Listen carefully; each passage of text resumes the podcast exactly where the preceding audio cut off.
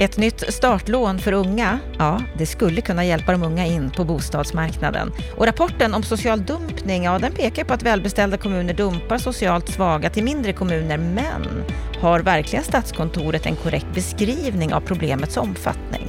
Och LO, de har presenterat en bostadspolitisk rapport som visar att de äntligen försöker formulera en samlad bostadspolitik. Allt detta ska du få höra om här nu i veckans Aktuellt med mig, Anna Bellman.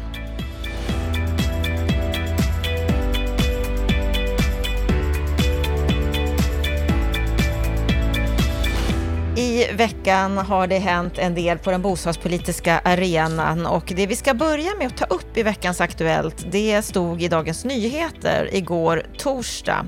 Regeringen har nämligen gett en utredare i uppdrag att ta fram förslag på hur ett statligt startlån ska hjälpa förstagångsköpare in på bostadsmarknaden. Lennart Weiss, vad är, vad är det här för något? Ja, man skulle gärna vilja ha läst utredningsdirektiven innan man kommenterade. Jag har letat på regeringens hemsida men inte hittar det, så vi får gå på det som står i texten. Det som framgår av texten är att eh, Bolund har gett en eh, mycket kompetent person, nämligen Eva Nordström, till vardags VD på SKB, alltså eh, Stockholms kooperativa bostadsbolag som sysslar huvudsakligen med eh, kooperativ hyresrätt. Men Eva har ju en bakgrund som före detta VD på HSB. Så hon kan ju så att säga de kooperativa principerna och med bakgrund i HSB så kan hon också det norska systemet. Det är alltså en mycket kom kompetent och bra person som har fått uppdraget. Och det som också är bra, det är att det som framgår av texten, det är att eh, startlånen ska införas för att mildra effekterna eller kanske rent av mildra behoven av, minska behoven av eh, blankolån. Så långt är det bra. När man sen läser i texten så kan man ju konstatera att Bolund har en osviklig förmåga att göra folk besvikna. Om det här är taktik eller om det är hans hjärtas mening, men det står i texten att eh, exakt var gränsen går, om det blir en eller fem procents kontantinsats man får klara själv, det får utredaren bestämma. Det här är intressant, därför att du vet ju själv att bolånetaket representerar ju 15 procent utav av eh, eh köpeskillingen. Exakt, va? och eh, det är ju en väldigt hög tröskel. Nu säger han om det ska bli en eller fem procents kontantinsats man får klara själv. Skulle det landa redan vid 5% så är det ju ganska lite kapital du ska sätta in själv. Det vore alltså en väsentlig sänkning av trösklarna in på bostadsmarknaden. Men han öppnar ju för ett intervall från 1 till 5 procent. Det har jag aldrig hört honom säga förr. Det tycker jag alltså är ett väldigt bra besked. Det som är det sämre beskedet här det är ju, är ju att han säger att övriga hinder för unga blir kvar. Det vill säga amorteringskraven och de skyhöga eh, kalkylräntorna är kvar att leva på kalkylerna. Det är negativt. Å andra sidan så har ju utredaren fått i uppdrag att granska vad andra länder gör för att stötta unga förstagångsköpare och både Norge och Storbritannien nämns. Också bra besked. Då kan man ju tänka sig att Eva kanske föreslår undantag från amorteringsreglerna de första fem åren. Eva är väl så vitt jag förstår också fri att lägga förslag när det gäller kalkylräntorna och så. Så att eh, om, om, inte, om inte direktiven stänger för andra alternativ så, så kan det här öppna nya möjligheter. Men alldeles oavsett så skulle jag säga att det här är ändå positiva nyheter. Det här har vi längtat efter i tio års tid. Så det här tar jag som en positiv nyhet. Så idag är det glad Lennart på den punkten. Det är första gången du är glad när du har något med Bolund att göra. Nej, det, det var, det, nu var du elak. Så illa är det inte, men det var, jag kan erkänna att det var länge sedan. Så att, eh, idag får Bolund en, en liten röd ros. Ja, det får han. Mm, ja. Mm. Mm. Och hur långt det här kommer att räcka, det vet vi inte än. Står det någonting om när det ska vara klart? Jo, det står att det ska vara klart, eh, vad stod det nu, första november nästa år. Så det är ändå ganska hyfsat tempo. Bra. Mm, ett år kvar. En annan sak som vi vill uppmärksamma och som Dagens Samhälle uppmärksammar den här veckan, det är faktiskt det ämne som vi har i vår podd på måndag om social dumpning, där vi har intervjuat Statskontorets utredare Peter En och civilminister Lena Micko. Men det Dagens Samhälle skjuter in på här, det är att rapporten om social dumpning pekar på att välbeställda kommuner som, som dumpar socialt svaga till mindre kommuner, det stämmer. Men enligt artikeln så har det visat sig att kommuner som har svarat på Statskontorets enkät, de har missuppfattat frågor. Så att det ja, blivit vilseledande information. Vad är det här Riktigt, eh, riktigt. Alltså Statskontorets slutsats bygger enligt Dagens Samhälle på att 45 kommuner i enkäten svarat ja på följande påstående, och nu citerar jag. Kommunen ställer krav på att invånare söker bostad utanför kommunen för att fortsätta bevilja ekonomiskt bistånd.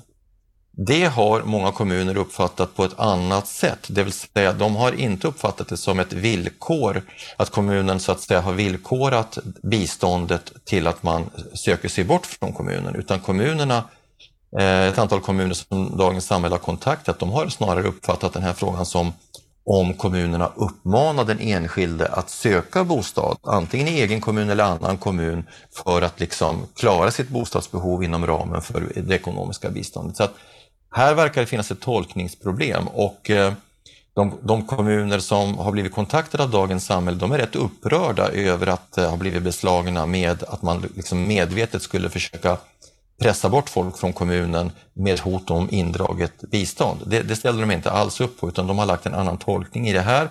Det är lite genant för Statskontoret. De tycker själva att det var olyckligt att de inte har varit mer konsekventa med begreppen men de står ändå fast vid sin slutsats att detta med social dumpning, det vill säga att kommuner försöker pusha bort ekonomiskt svaga från sin egen bostadsmarknad som är väldigt trång och het till kommuner som har ett överskott på bostäder men istället en väldigt svag eh, arbetsmarknad. Där, där kvarstår man vid slutsatserna och jag skulle väl vilja säga så här att, eh, att den här sortens social dumpning förekommer, det, det, vet vi, men det är sannolikt inte i den omfattningen som Statskontoret har valt att säga i sin rapport. Det de menar här också är att de tycker att den här rapporten, den, den är inte värd någonting, den borde slängas och göras om. Är det så illa? Ja, eh, det är svårt att säga. Jag tycker nog att rapporten ändå har ett värde för den belyser ett väsentligt problem. Jag kanske mer skjuter in mig på de förslag till lösningar som man anvisar, men det kommenterar vi ju inte idag, det kommenterar vi på måndag. Jag kan väl tycka att de rent allmänt är ganska svaga. Så vad som händer med detta, det får vi se och vi kommer att följa upp detta på måndag som sagt, så lyssna gärna på vårt program då. Den eh, sista saken vi ska ta upp här i veckans Aktuellt, det är att LO har presenterat en rapport, en efterlängtad rapport.